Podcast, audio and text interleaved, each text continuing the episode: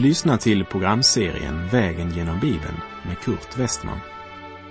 Programmet sänds av Transworld Radio och produceras av Norea Radio Sverige. Vi befinner oss nu i Daniels bok. Slå gärna upp din bibel och följ med.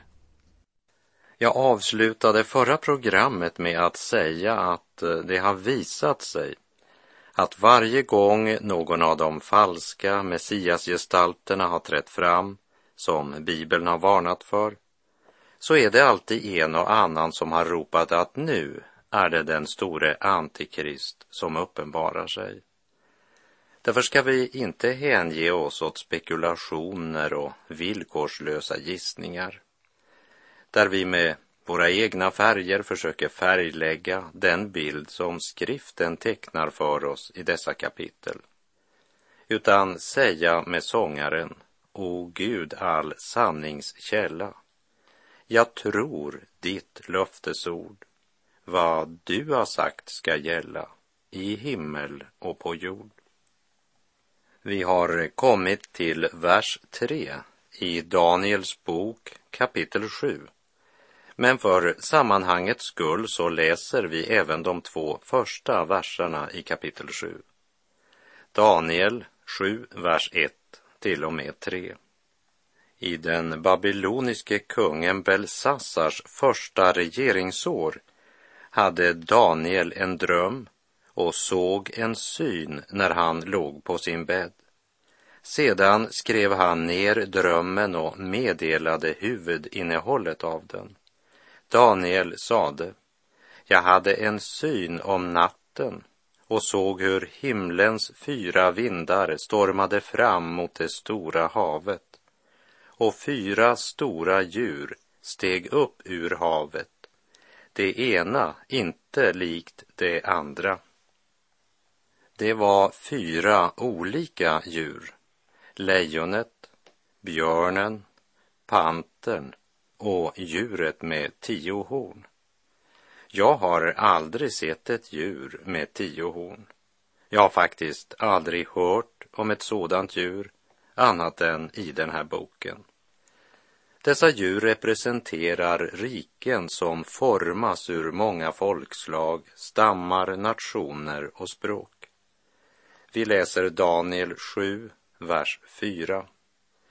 Det första liknade ett lejon, men det hade vingar som en örn. Medan jag ännu betraktade det rycktes vingarna av djuret och det restes upp från jorden så att det stod på två fötter som en människa och fick ett mänskligt hjärta. Vers 17 säger oss att de fyra djuren representerar fyra kungar det vill säga fyra statsledare. Och lejonet med örnvingar är Nebukadnessar och det babyloniska riket. Det var ju ett högst ovanligt lejon eftersom det hade örnvingar.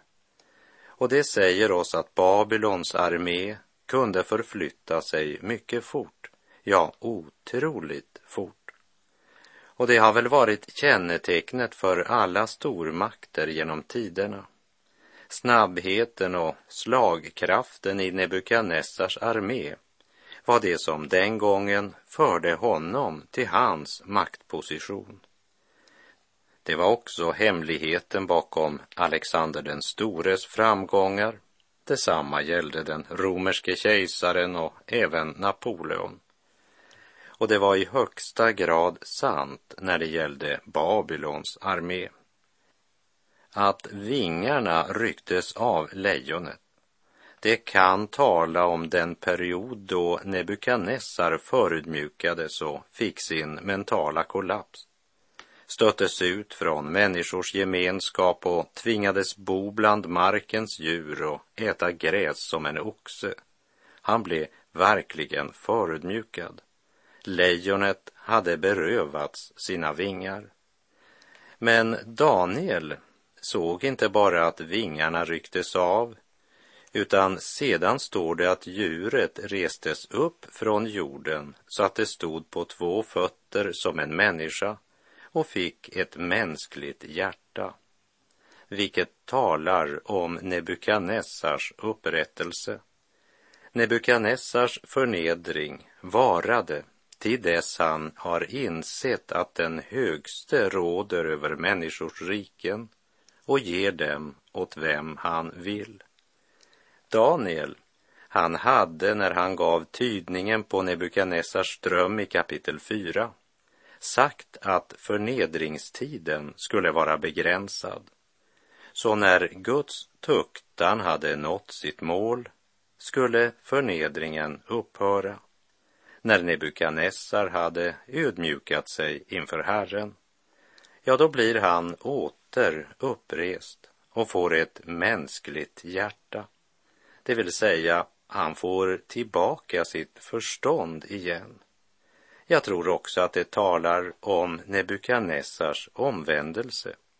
Jag tror att han genom allt detta lärde känna himmelens Gud. Babylon hade en yttre glans. Folket i Babylon var bildade. Det fanns ett enormt bibliotek i staden Babel och staden omgavs av en hög mur som var så bred att flera hästar kunde rida jämsides uppe på muren. Det var ett imponerande rike och man såg till det yttre. Och medan statyn med huvudet av guld representerar Babylons yttre glans illustrerar lejonet hedendomens grymma natur vilket så tydligt beskrevs i kapitel 2 och 3 i Daniels bok.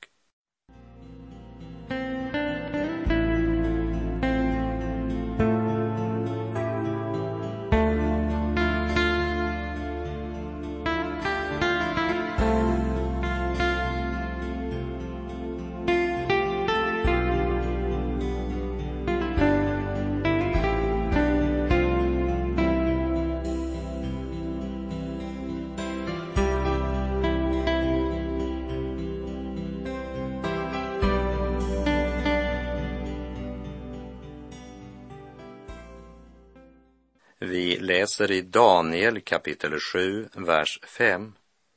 Sedan fick jag se ännu ett djur, det andra i ordningen. Det liknade en björn och det reste sig på sin ena sida och i gapet hade det tre revben mellan tänderna. Det fick befallningen stå upp och sluka mycket kött. Björnen representerar det medisk-persiska riket som i Nebukadnessars dröm utgjordes av armarna av silver. Först så erövrade han med Medien sin vänstra arm, Babylon, och med Persien sin högra arm besegrade han Egypten. Och som det tredje, de övriga riken som hade styrts av Babylon. Björnen hade inga vingar, men det blev sagt till den, stå upp och sluka mycket kött. Vi läser Daniel kapitel 7, vers 6. Därefter fick jag se ett annat djur som liknade en leopard, men på sidorna hade det fyra fågelvingar. Djuret hade fyra huvuden och det fick stor makt.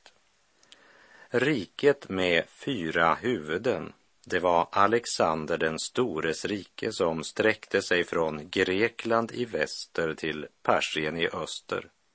Även Egypten och Israel erövrades. Men hans världsrike bestod inte så länge. På hemväg från ett misslyckat fälttåg mot Indien så dog Alexander den store i Babel år 323 f.Kr. och hans fyra generaler delade riket mellan sig. Skriften ger oss inte någon historiebeskrivning av Alexander den stores rike. Men Daniel ser det som leoparden med fyra huvuden. Och med fyra huvuden är det svårt att enas. Riket bestod som sagt inte heller så länge. Vi läser Daniel kapitel 7 och vers 7. Sedan fick jag i min syn om natten se ett fjärde djur, mycket förskräckligt, fruktansvärt och starkt. Det hade stora tänder av järn, det uppslukade och krossade, och det som blev kvar trampade det under fötterna. Det var olikt alla de tidigare djuren och hade tio horn. Det här obeskrivliga djuret representerar det romerska imperiet, precis som benen av järn i Nebukadnessars dröm. Och vi ser i verserna 23 och 24 att Herren själv förklarar för Daniel vad synen betyder. Så vi behöver inte inte spekulera över det. Samtidigt vill jag säga när det gäller Daniels syn att även om det fjärde riket utan tvivel talar om det historiska romerska riket som trots allt höll samman i flera hundra år.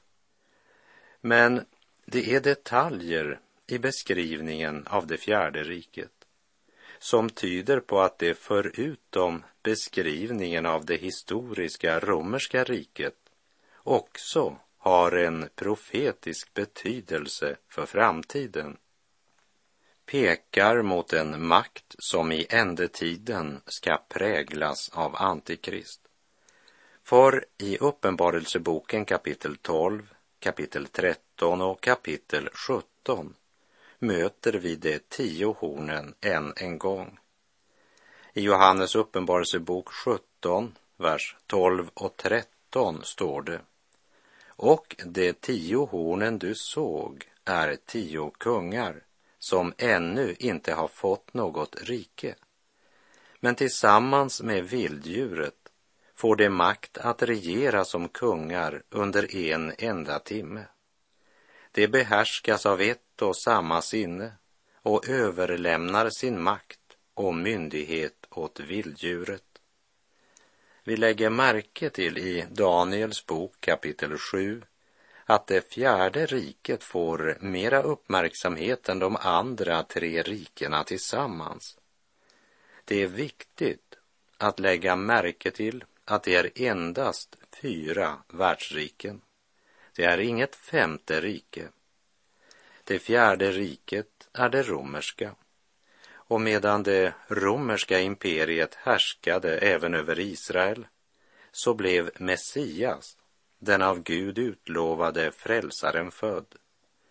Betyder det då att allt detta redan är uppfyllt? Nej, jag ska inte med bestämdhet hävda att det är så. Men det är mycket som tyder på att detta som skedde i gammaltestamentlig tid och i övergången till nytestamentlig tid är ett mönster som kommer att återupprepas i ändetiden, nämligen att det uppstår fyra världsriken efter varandra av ständigt sämre kvalitet och som avslutas med Antikrists rike. Och om vi vänder tillbaka till Nebukadnessars dröm i kapitel 2 så ska vi från den drömmen komma ihåg att även om de fyra världsmakterna alla bestod av olika metall så utgjorde de ändå en och samma staty.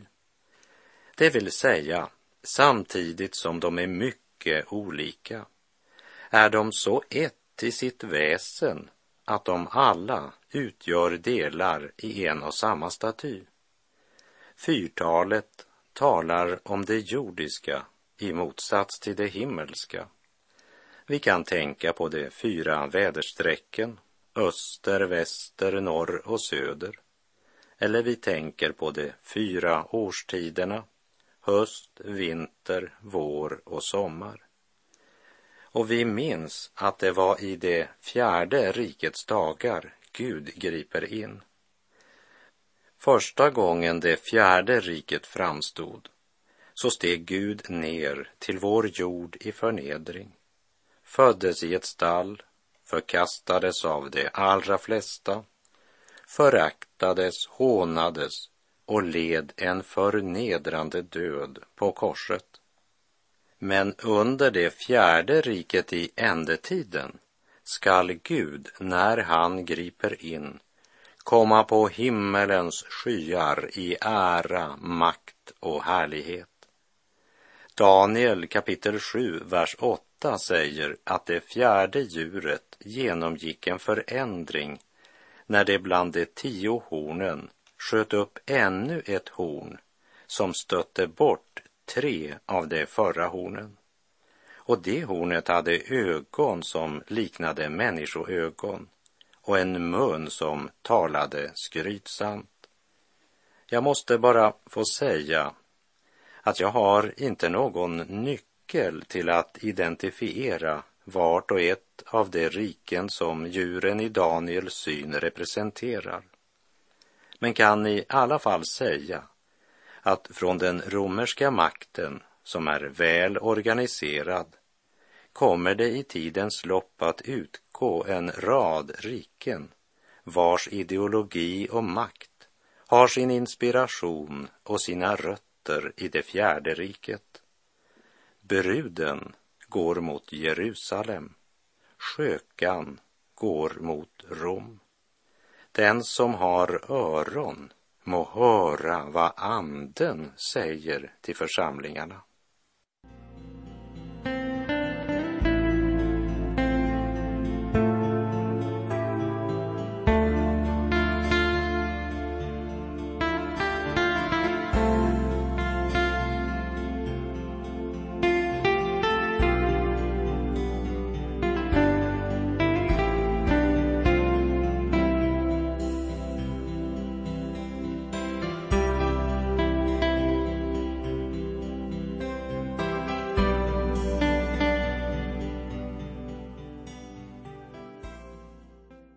När det gäller hornet som sköt upp så la vi märke till att det står att hornet var litet.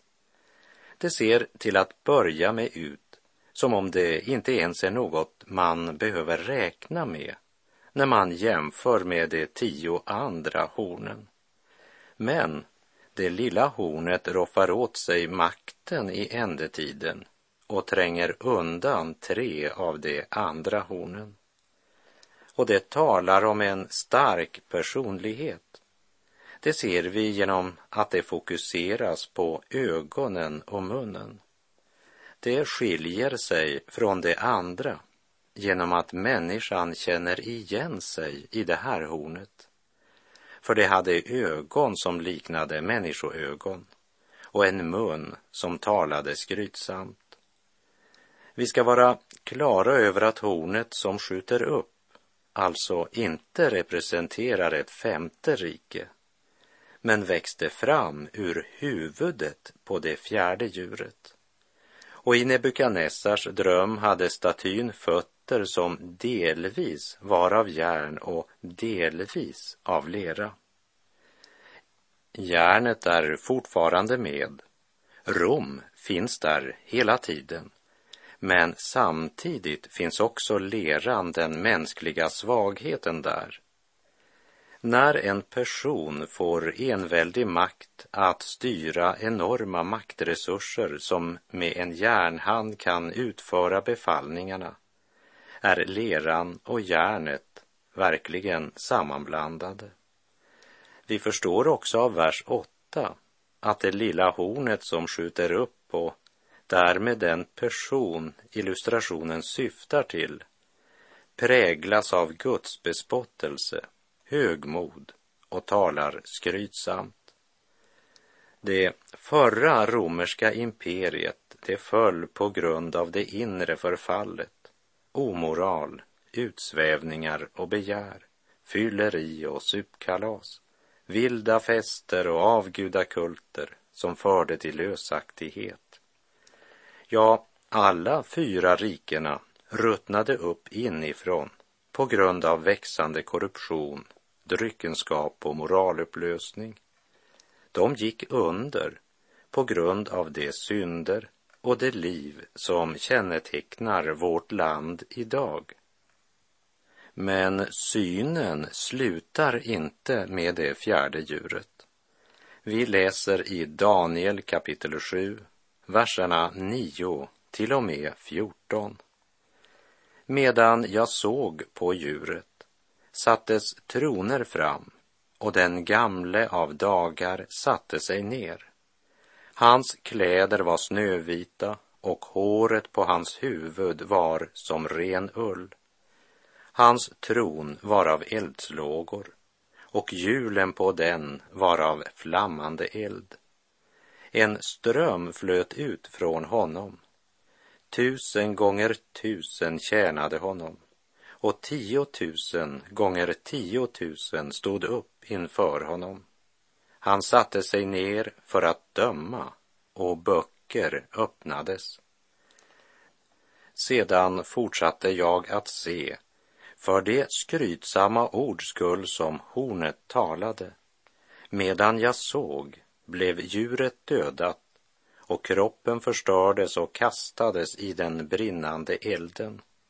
De övriga djuren miste också sin makt. Deras livstid var bestämd till tid och stund.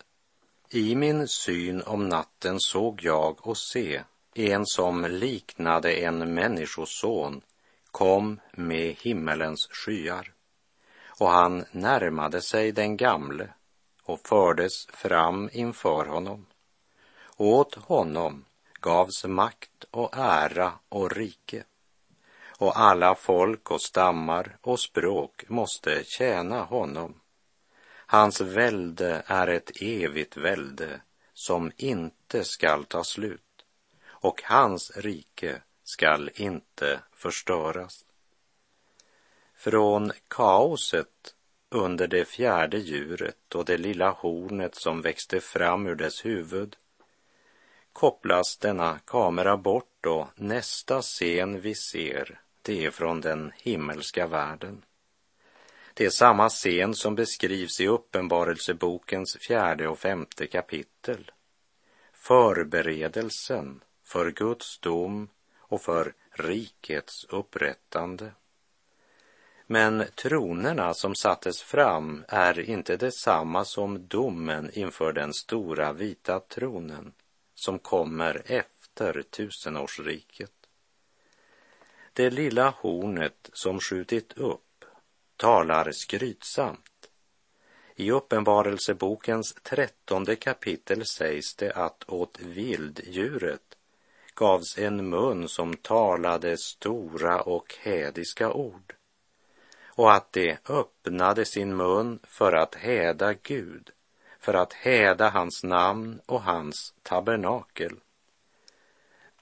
Men Herren låter Daniel se längre än till vilddjuret som talade skrytsamt och som triumferar under en kort tid. Kaoset är inte det sista. Precis som Kristi liv och gärning inte slutar i skärtorsdagens ångestnatt eller långfredagens förnedring, lidande och död, så slutar inte heller Guds barns livshistoria med det lilla hornet som växt och som hånar skapelsens herre. Daniel fick i sin syn se det lilla hornet växa fram och få makt. Men Daniel såg också hornet förlora sin makt och krossas. Och det krossades på grund av de stora och skrytsamma ord som det hade talat. Gud låter inte jäcka sig. Även om det alltså såg ut så under den tid då hornet härjade som värst. Men Gud uppenbarar för Daniel att det är Gud som har sista ordet. Och Daniel ser i sin syn hur djuret blev dödat och kroppen förstördes och kastades i den brinnande elden. Men också de övriga djuren miste sin makt. Och så ser Daniel en som liknade en människoson. Skärtorsdagens ångest och kamp långfredagens lidande och död slutar med en underbar påskmorgon. Och från den tomma graven proklamerar Herren Jesus Kristus sin totala seger över Satan, synden, döden och helvetet. Döden är uppslukad och segern vunnen. Och Gud var ett tack som ger oss segern genom vår Herre Jesus Kristus. I min syn om natten såg jag och se, en som liknade en människoson kom med himmelens skyar. Åt honom gavs makt och ära och rike. Och alla folk och stammar och språk måste tjäna honom. Hans välde är ett evigt välde. I Matteus evangeliets 24 kapitel och vers 35 så säger Herren Jesus själv Himmel och jord skall förgå, men mina ord skall aldrig förgå. Och med det så är vår tid ute för den här gången. Löftena kan inte svika. Nej, det står evigt kvar. Jesus med blodet beseglat allt vad han lovat har. Himmel och jord ska brinna, höjder och berg försvinna, men den som tror ska finna löftena, det står kvar. Herren vare med dig. Må hans välsignelse vila över dig. Gud är god.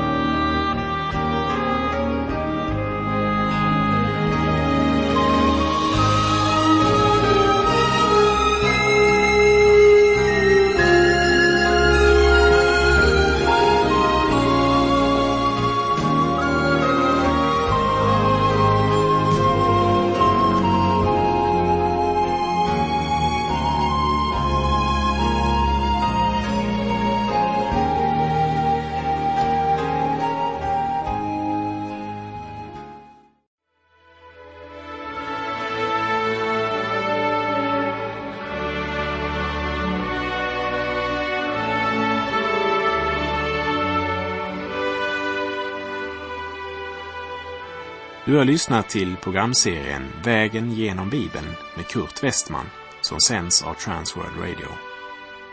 Programserien är producerad av Norea Radio Sverige. Om du önskar mer information om vårt radiomissionsarbete så skriv till Norea Radio Sverige, box 3419 103 68 Stockholm. Adressen är alltså Norea Radio Sverige box 3419. Postnumret 10368 Stockholm.